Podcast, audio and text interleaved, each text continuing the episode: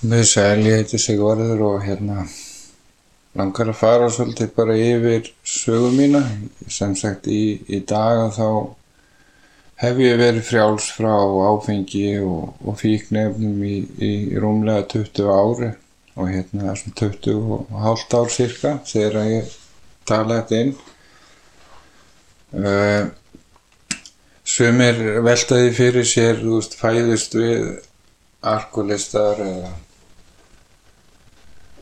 eða er þetta eitthvað sem er áunnið? Ég hugsa í, í mínu tilviki var áfengi var laust sem sagt með leið ekki vel í eigin skinni og, og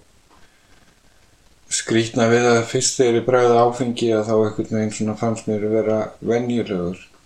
en langar að segja hvað gerðist, hvernig það var og hvernig þetta er í dag og fyrir viðkvæma þá kannski hveti ykkur bara ekkert að halda áfram því að barnaskan er ekkert falleg saga. Ég hérna, stærsti ótti minn hefur alltaf verið að vera yfirgifin, að vera ekki meðtekinn og vera hafnað og vísindin sem sagt eru þannig í dag að þau telja að að það sem að gerist þegar þú ert í móðukviði getur líka sem sagt haft áhrif á því í dag. Og þegar ég var sem sagt í móðukviði móðu minnar þá voru margi sem að vildu eigða mér. Þannig að það er svona kannski fyrsta höfnunni sem að ég upplifi er strax í móðukviði uh, ég er cirka eins ást þegar verð fyrst fyrir kynferðisleiri misnótkun og ég var óungur til að muna það. Og svo gerist það aftur. Þegar ég er fjárara sem sagt barnabíja sem var 12 ára sem misnótaði mig kynfynslega og síðan aftur sem sagt í kringum 5-6 ára aldur þegar ég var snertur. Á óviðandi hátt þegar ég verið styrtu. Uh, ég ætla ekki að fara út í ykkur grafískar lýsingar á þessum atbyrðum en allt þetta hefur samt áhrif á lífu okkar þegar við höldum áfram. Uh, ég man óljóst eftir því að hafa strókið ofta heimann þegar ég var mjög ungur og samkvæmt því sem að amma mín sagði að þá var ég tveggjara þegar ég stakkaði fyrst til hennar þannig að í þessum aðstæðin sem ég ólst upp að þá var einhvern veginn móður amma mín og afi mín alltaf svona mitt skjól til þess að flýja til ef aðstæðir voru slæmar. Og móður mín var sem sagt ekki með blóðföðu mínum á þessum tíma og ég átti sem sagt fyrsta stjúpföðu minn þetta mjög ungur og minningarna mínar af honum eru alls ekki góðar þannig sé ég á minningar þar sem að hann læsið mig inn í skápum læsið mig inn í herbergi og um kringum fjárur aldur reynir hann að taka lífið mitt með því að reyna að drekja mér í baðkari en var stoppaður af og svo aftur þegar hann sem sagt nöðgar mömmu minni fyrir framann með því að fimm ára. Og þar er sem sagt fyrsta minningi mín af skömm. Ég, ég stóð þarna varnarleys, ég gæti ekki gert neitt. Ég uppliði yfir auðmingi og eftir þennan tíma þá hétt ég sem sagt móður minni því að þeir eru nú stóra þá myndi ég taka hennar mann og drepa hann Við líka marga minningar þar sem að að beita móðu mína líkanlega ábeldi og ég man eftir því þegar maður var að koma með sokka og fleira svona fyrir mömmu til að henda tilbaka eða ykkur aðra hluti sem að fóra milli en, en sem betur fyrir að þá skildum við eina mann og kom sér þannig út úr þessum aðstæðum en á þessum tíma er ég orðin rosalega tættur, ég hrættur Ég var hrættur við fullorna kallmenn, var mjög óörgur í kringu þá og fullorni kallmenn voru rauninni bara skrimsli í mínum hauga á þessum tíma. Ég er fjagrara gammal þegar að lauröglan hefði fyrst afskipt af mér og þá hafði ég strókið það heimann og, og fannst út í búð sem þetta hafnagötinni í Keflavík þessum er rundar skemmtistæði núna að þá hefði ég farið inn í búðin og fyllt fangið af keksbökkum en svona kannski of ungur til að gera mig grein fyrir því að að þurfti að borga fyrir vöruna. Maður sá bara mat og maður tók í þá og, og lappaði út. Svo aftur þegar hún er sex ára þá er ég og vinnu minn að fykta með elspítur og það vorum bak við Sangaup í Njarvík þessi netto er núna og við erum að fykta með elspítur og og við erum eitthvað svona vörubrætti með rusli finnum eldspýtur á staðinum og við kveikjum í og við ráðum ekki við að slökku eldin en við hlaupum í burtu og, og, og það verður svona stór brunni. En það fór ekki eldur að nýtt þannig inn í búðinu en við náðum að skemma hálfa vörulegurni í veslunni uh, Barnaska mín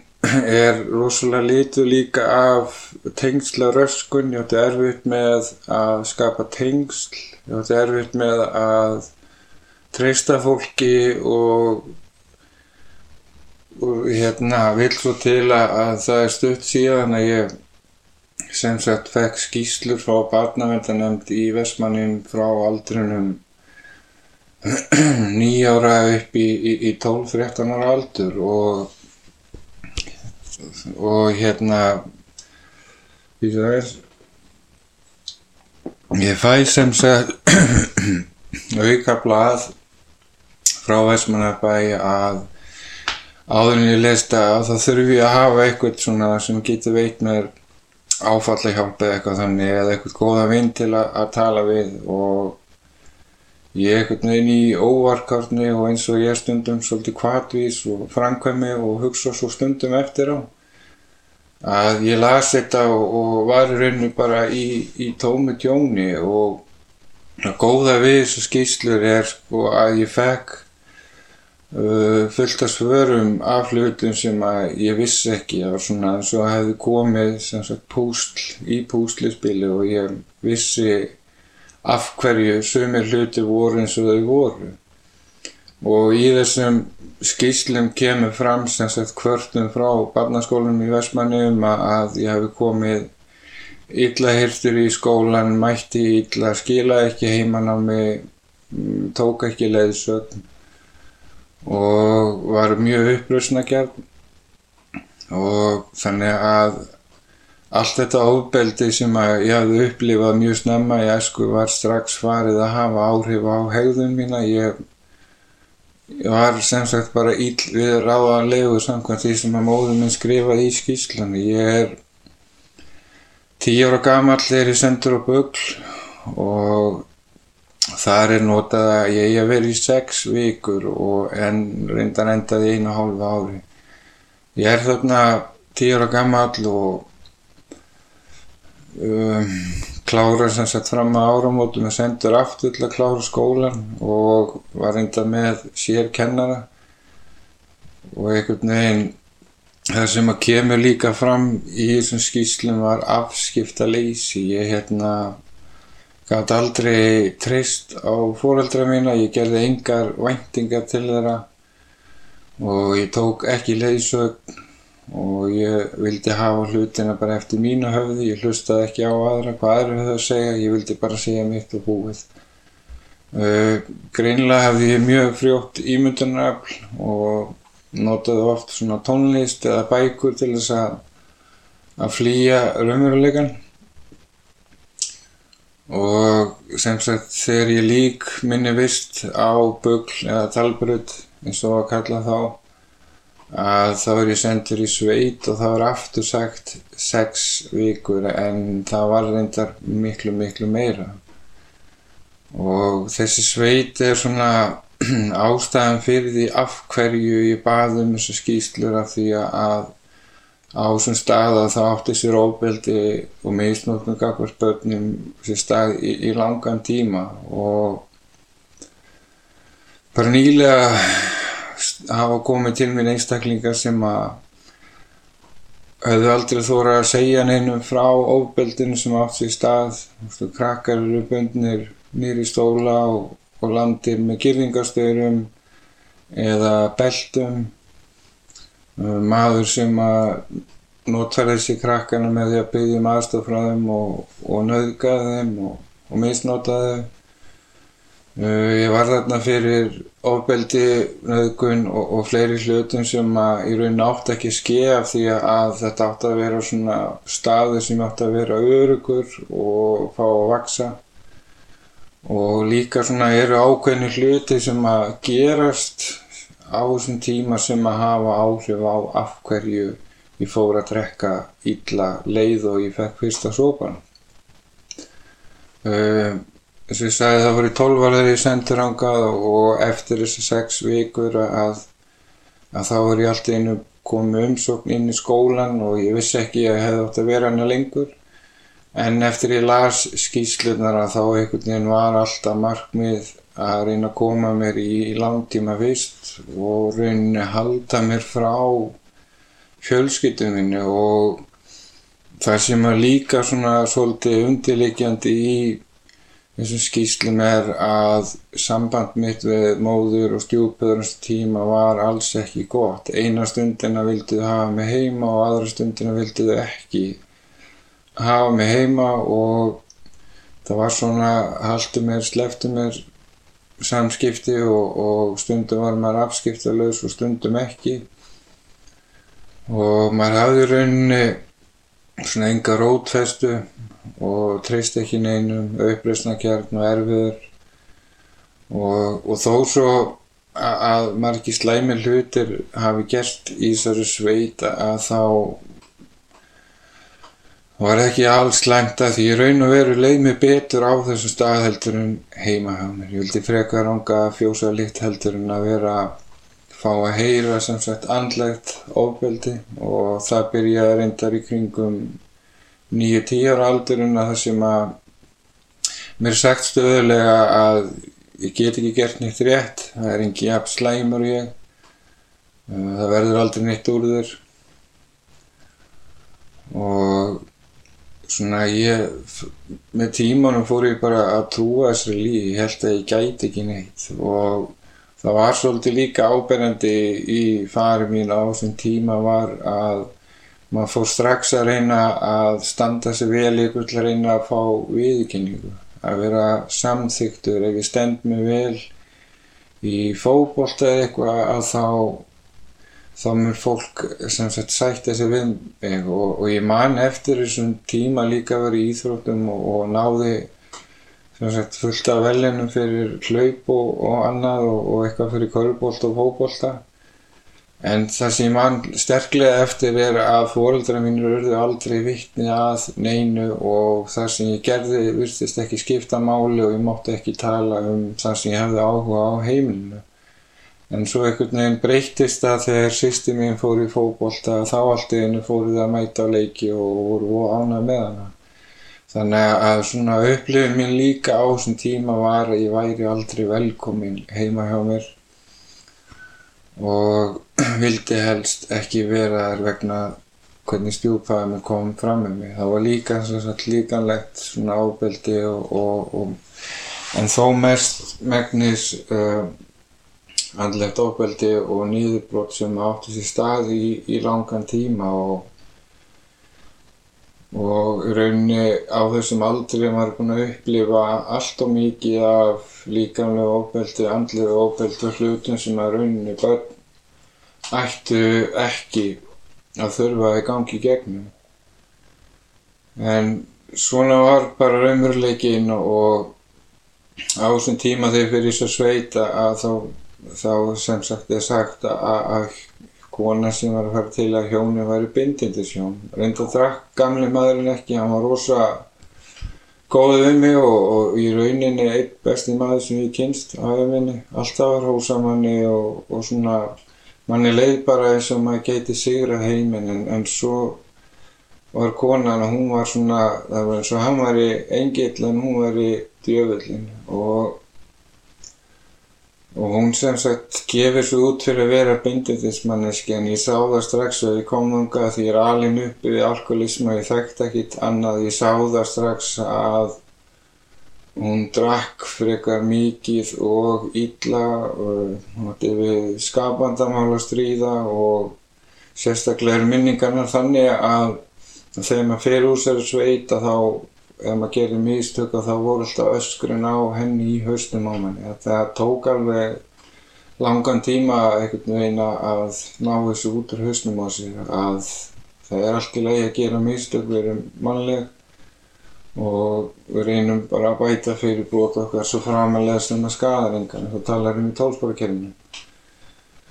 Uh, það sem að gerist á þessum tíma sem að markaði tímamút var er að ég kvarta undan því að hún sé ekki bindindismanneski og það er fenginn sálfræðingur frá Vestmannin sem vil ekki nafngreina en hann tekur viðtal við mig og svo tekur hann viðtal við konuna og í hvers skipti sem að ég fyrir ekki að þá kalla hann mig aftur inn í viðtal þar sem hún er líka og hvers skipti sem ég vildi segja eitthvað að þá greip hún fram í þannig ég náðu ekki að segja neitt. Og niðurstaða sem sagt sálfræðings er að þú ert svo lígin að þú þekkir ekki munin á þessi að satt og rétt frá eða lígi þannig að já, þú ert svo lígin að, að þú ræður ekki við þetta upp frá þessum tíma tekur konan líka að hlera sem sagt síman hjá mér þegar hringi móðu mína og fylgjast með því að mónitóra það sem ég var að gera. Og á þessum tíma var líka annar strákur sem var yngri og hún sendi mig alltaf í burtu um helgar næsta bæ svo hún getur verið að lemja strákin og beita hann ofbeldi án minna vitundar að því að greinilega var ég einhver okk við hana að koma upp um hana á ofbeldi sem hún var að beita bara. Og ég sem sagt lík vissminni í Ísar sveit svona sem ég get velja mikið í, í æskunni að þegar ég er 16 ára en 15 ára gamall að þá bræði ég fyrst áfengi og þessi minning lifir enn í hugun. Ég man ennþá eftir áhrifunum hvernig mér leið. Ég varði ekkert eitthvað ofsa glað ég fannst ég bara að vera vennjulegur. Og þessi hugsunum að ætla aldrei að drekka fór strax yfir í að ætla að gera þetta strax aftur á morgun. Þannig að áfengi var rauninni laust fyrir mig að líða ekki svona illa og líka það sem að tilherir mann oft eftir svona tætta æsku er að maður upplifir sé ekki tilherir og einhvern veginn á erfitt með að finna sinn stað í lífinu. Og eftir allt rótlis ég er líka alin uppi endalösa flutninga og átti, fekk aldrei að festa rætur. Og ef maður kynntist einhverjum og hleyfti einhverjum að þá var flutt á annar stað. Þannig að ég einhvern veginn líka loka á tengsl við fólk á þessum tíma því ég ætla að verja sjálfa mig fyrir því að vera særður aftur. En í rauninni þegar maður lokar svona að sér að þá er maður rauninni að einangra hjarta og maður bara fer á verri stað ef eitthvað er. Uh, á þessum úlingsárum að þá var sjálfræðisaldurinn var 16 ár þá. Og ég á minningu sem sagt sem segir Ég fæ bréf af fyrirtæki að með minnum hétt Global og þau sendum manni svona litla rakfröð og eina rakskurð og óskuðum mann til hamingi með sjálfræðisaldurinn. Ég vann þegar konin í sveitinu tekur bladu og segir þú ert ekki ánum sjálfræði, ég segir víst er ég sjálfræða og ég ætla að fara þegar skólinn er búinn og getur ekki gert neitt í því. Og ég man einhvern veginn að ég hafi náða að slá vopnum úr höndunum. Ég einhvern veginn var það kæft fór og rugglar. Ég stóð alltaf upp í hárun á henni að hún gatt ekki beitt mig líkanlega óbeld eins og gerði við hýna en það var, var svona orðin líka mun hraustar heldur en flesti jafnaldur mannars eftir að vera að vinna eins og skeppna frá 12 ára aldri og þannig að hennalaust var alltaf að senda mig í burtu. Og ég verð fyrir nauðgunan þegar ég er 15 ára gammal ég er sofandi og ranka við mér með eina bóndaþóttina ofan á mér og svona á þess að fara út ykkur frekar lýsingar að þá man ég mjög óskýrt eftir þessu en ég man bara að þetta var ekki með mínu samþykki. Og Það sem að gerist rauninni þegar úr þessari sveit eða ég fer strax að drekka illa vera að brjótast út reyði þegar ég er sem sagt að drekka. Og það fer svona að koma í í ljós allt þetta sem er búinn að ganga í gegnum bara frá því að maður fættist líka við að þetta fór að brjótast út í reyði, ofbeldisneið og fór að gera eitthvað af sér og, og lauruglan byrja að hafa afskipti þannig að maður lendur einhvern veginn í í aðstæðum að lífi verið þannig að maður bara missir tökin á því. Ég hafði aldrei þannig sé stjórn á drikkjuminni og þegar ég er 17 ára gammal þá einhvern veginn prófa ég fyrst fíknefn og ég man að það var rosa skömmi yfir þess að pröfa hass og borða sveppi og ég let fíknefni eiga sig alveg ár eftir þetta og pröfa svo aftur um 18 ára og svo 19 og 20 og svona eigst þetta aðeins með áfengina en áfengi var alltaf mitt efni þó að hitt hafi verið með og, og svona þar til áfengi fór að svíkja og að hætta að virka. Og ég man að ég flúði alltaf í þess að sveit þegar var yngri til að fá frið frá löggunum, maður var búinn að gera eitthvað af sér og allt glóðholt að þá flúði ég bara og var þar og var til friðs. En ég reynda mann eftir því að ég átti erfitt með skapgerðin í mér og ég var ekki svona rólegur þá eins og þessum tíma því að í skýslunum sem að kemur frá barnavendin enda það vildi meina að ég væri ofirkur sem er raunni algjör anstæða við það sem að ég er í dag. Og það kom fram líka að það væri sem sagt uh, senkun í að eitthvað að miðtöðakerfinu þannig að sjónreyfing og, og eitthvað annað var eitthvað eftir á. En svona aftur af, af drikkinu og en þá á þessum tíma var sagt, alltaf þessi þrá að vera samþyktur og fá að tílar og ég held að sé þarf ég okkur öllum að vera að tílar ykkurum uh, stýtta söguna eins og, og fara ekki yfir tímamörkin að þá fer þetta mjög hratt niður á við og í april 1999 þegar ég er 20 ára gammal að þá er rauninni komin að krossgötum ég hafði rauninni allt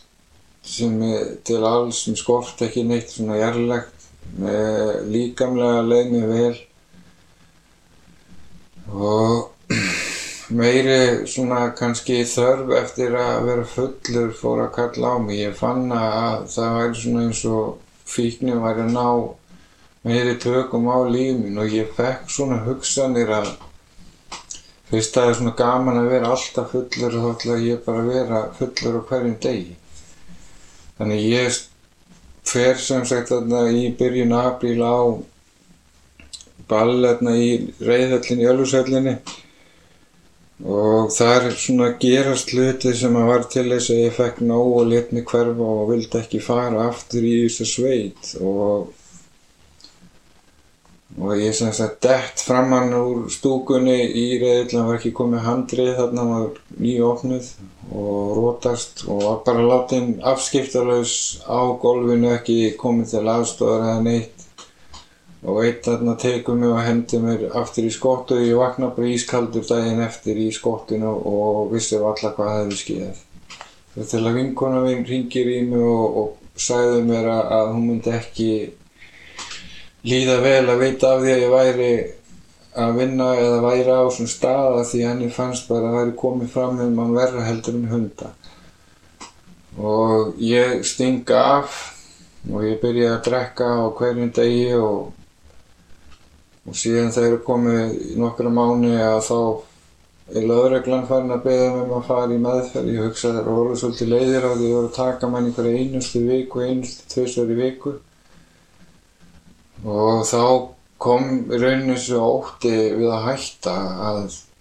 hvort að maður gæti það nokkuð tíman og ég fer fljótlega bara á þann stað að ég langar ekki að lifa lengur. Og ég gæti ekki verið fullur, ég gæti ekki verið etru og ég var bara komið millir steins og sleggji og, og hugsunum minn bara var ég finn enga leið út úr þessu myrkri og, og Já, minningar þess að ég var með snöruna fyrir fram með mörgkvöldi í rauð og, og langaði að enda límið. Fannst ekki vera þannig sé neitt tilgangu með því eða neitt. Og ég fekk einhvern veginn alltaf hugsanir hvað þetta væri eigingert að mér að gera þetta og hvernig öðrum í kringum myndi líðan. Og ég trúi því að það hefði verið aðri máttur eða Guðins og í skilna sem að hafi verið að hjálpa mér að, að þrauka aðeins. Og, Svo gerist það sem sagt 7. janúar 2000 að ég fer í mína fyrstu og einu meðferð upp í hlaðgerðarkott á vegum samhjálpar.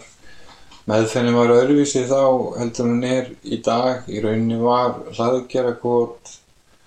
uh, endarstöð fyrir vonlösa liðið og það var ekki algengt að ung fólk bæraðan og hvað þá ykkur var að fara í sína fyrstu meðferð. Eina sem ég vissi var að þetta var kristi meðferð og ég tengdi sem sagt ekki Jésu við alkoholismu eða neitt þannig en maður vissum öll kraftaverkinu og allt það en en ég samt svona ákvað að gefa þessi séns en vonið var samt aldrei meira heldur en ég gæti kannski verið eitthvað í sex mánuði og þá myndi löggan láta mig í friðu og þá myndi allt lagast. En greinilega var minn aðri máttur mér ósamála og ég fæ sem sagt andlega vakningu hérna 15. janúar í Plækjurkoti ég og árið 2000 ég sem sagt fæ síndal frá vinið mínu þar sem maður segir að, að einhver strákur hafi nauðga kæristinu vinni þegar það var áfengistöði í, í partíi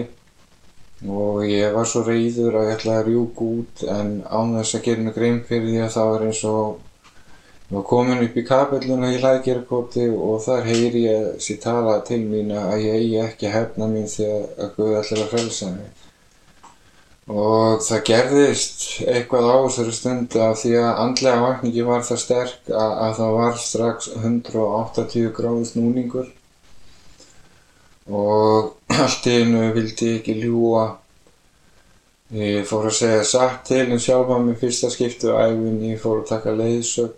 fyrsta skiptu á æfinni líka.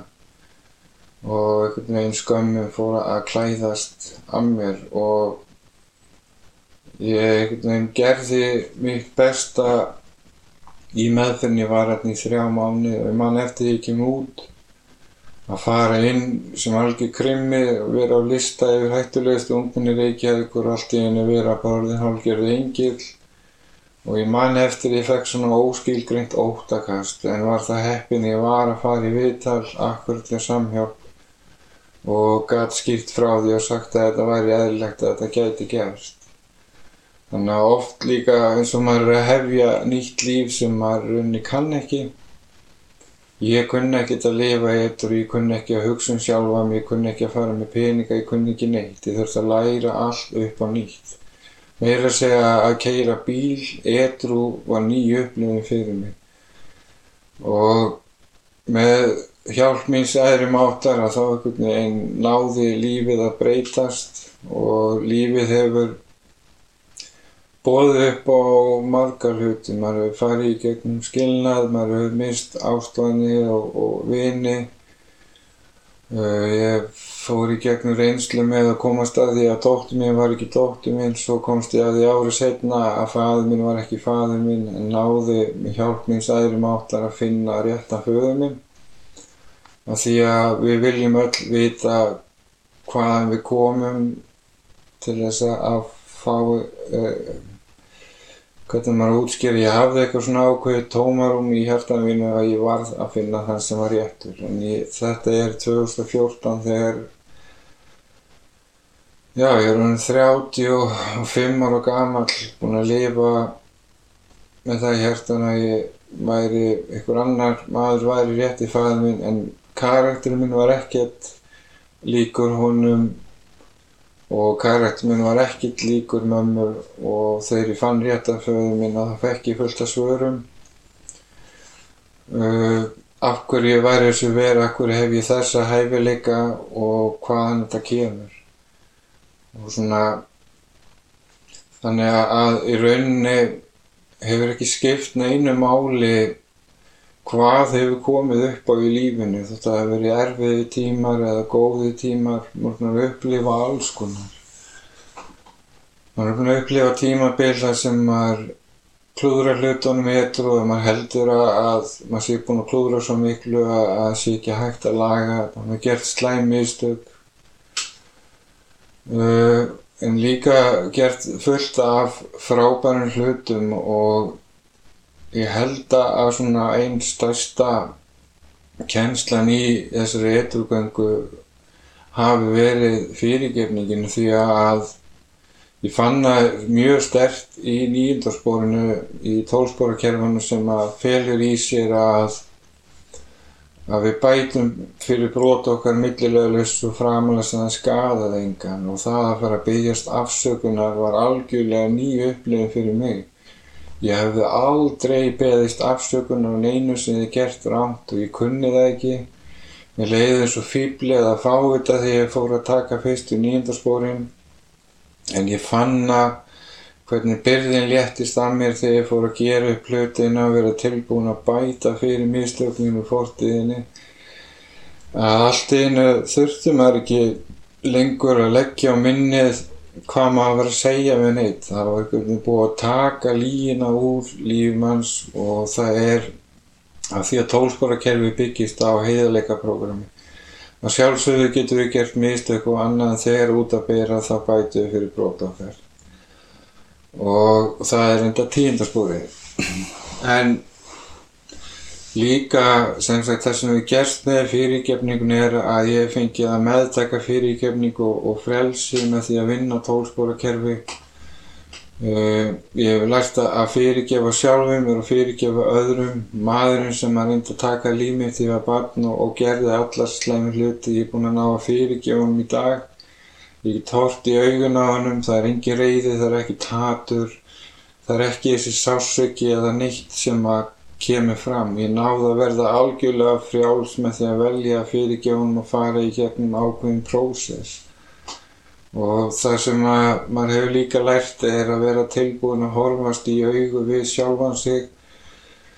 Svona var ég þegar maður setur sjálfan sig upp á pappir að þá sjáu því mýður fallega hluti. En svona var ég þá, en ég er allt öðruvísi í dag. Þannig að það sem við vorum, það sem við gerðum í fórtíðinni er ekki það sem við erum endilega. Við höfum tækifæri til þess að vinna ákveðna vinnu, leggja vinnu á okkur, vera tilbúin að horfast og huga við það sem við gert, vera tilbúin að breytast, vera tilbúin að taka leiðsögn og, og tengjast Guðið samkvæmt okkar skilningi á honum. Að þá breytist lífið og það hefur komið þessi kraftur inn í líf mitt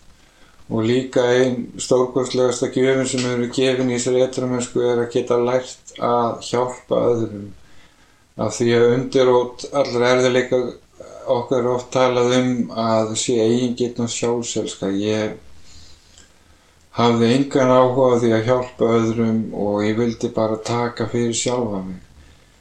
Uh, já, óljósa minningu frá því þegar maður kemur og beður um hjálp og það fyrsta sem kemur í huga mun hvað er aðeins og pípli getur ekki séður upptekinn. En ég vissi það einstinni að ég átt að hjálpa og ég fer með hann heim, fyrir mann hér og þetta var eins og sjá lík rísu frá döðum og það gerist eitthvað innra með mér. Ég hugsaði já, ok, það sem búið að gefa mér það verði ég að gefa áfram. Og hver skipti sem að ég leiði einhvern í gegnum tólsporakerfi, hver skipti sem ég gef mér tíma til að hlusta á, hvernig að hjálpa einhverjum, fara með fundi inn á stofnarnir eða vera tilbúin að vera til staða fyrir fólk, að þá fæ ég alltaf velun að ég fæ aukinn kraft, ég fæ aukna gleði, ég upplifi óttalessi og algjört frelsi. Og það besta er að ég þarf aldrei að drekka aftur. Og sem sagði það er ekkit endilega að fara að eigða tíma í að tala um alla hlutinu sem maður lendi í. Maður lendi í alls konar hlutum. En það besta er að ég þarf aldrei að drekka aftur. Ég fengi að vera etru í rúm 20 ár. Og lungun í breytt ástand það hefur ekki komið bara frá því að fyrsta árum mitt var því að ég fekk fíkn eftir þrjá mánuði, svo aftur eftir sex mánuði og svo aftur einhvern ákveðin tíma eftir það og svo eftir það þegar ég fer að vinna spórin að þá var þetta algjörlega tekið frá mér. Og ég hef öðlast þetta frelsi að ég þarf aldrei að nota aftur. Og þetta er það sem ég langar að skilja eftir hjá okkur að, að þú hefur áallt val að velja að leggja eitthvað á því til þess að öðla spata og eignast nýtt og betra líf. Takk fyrir mig.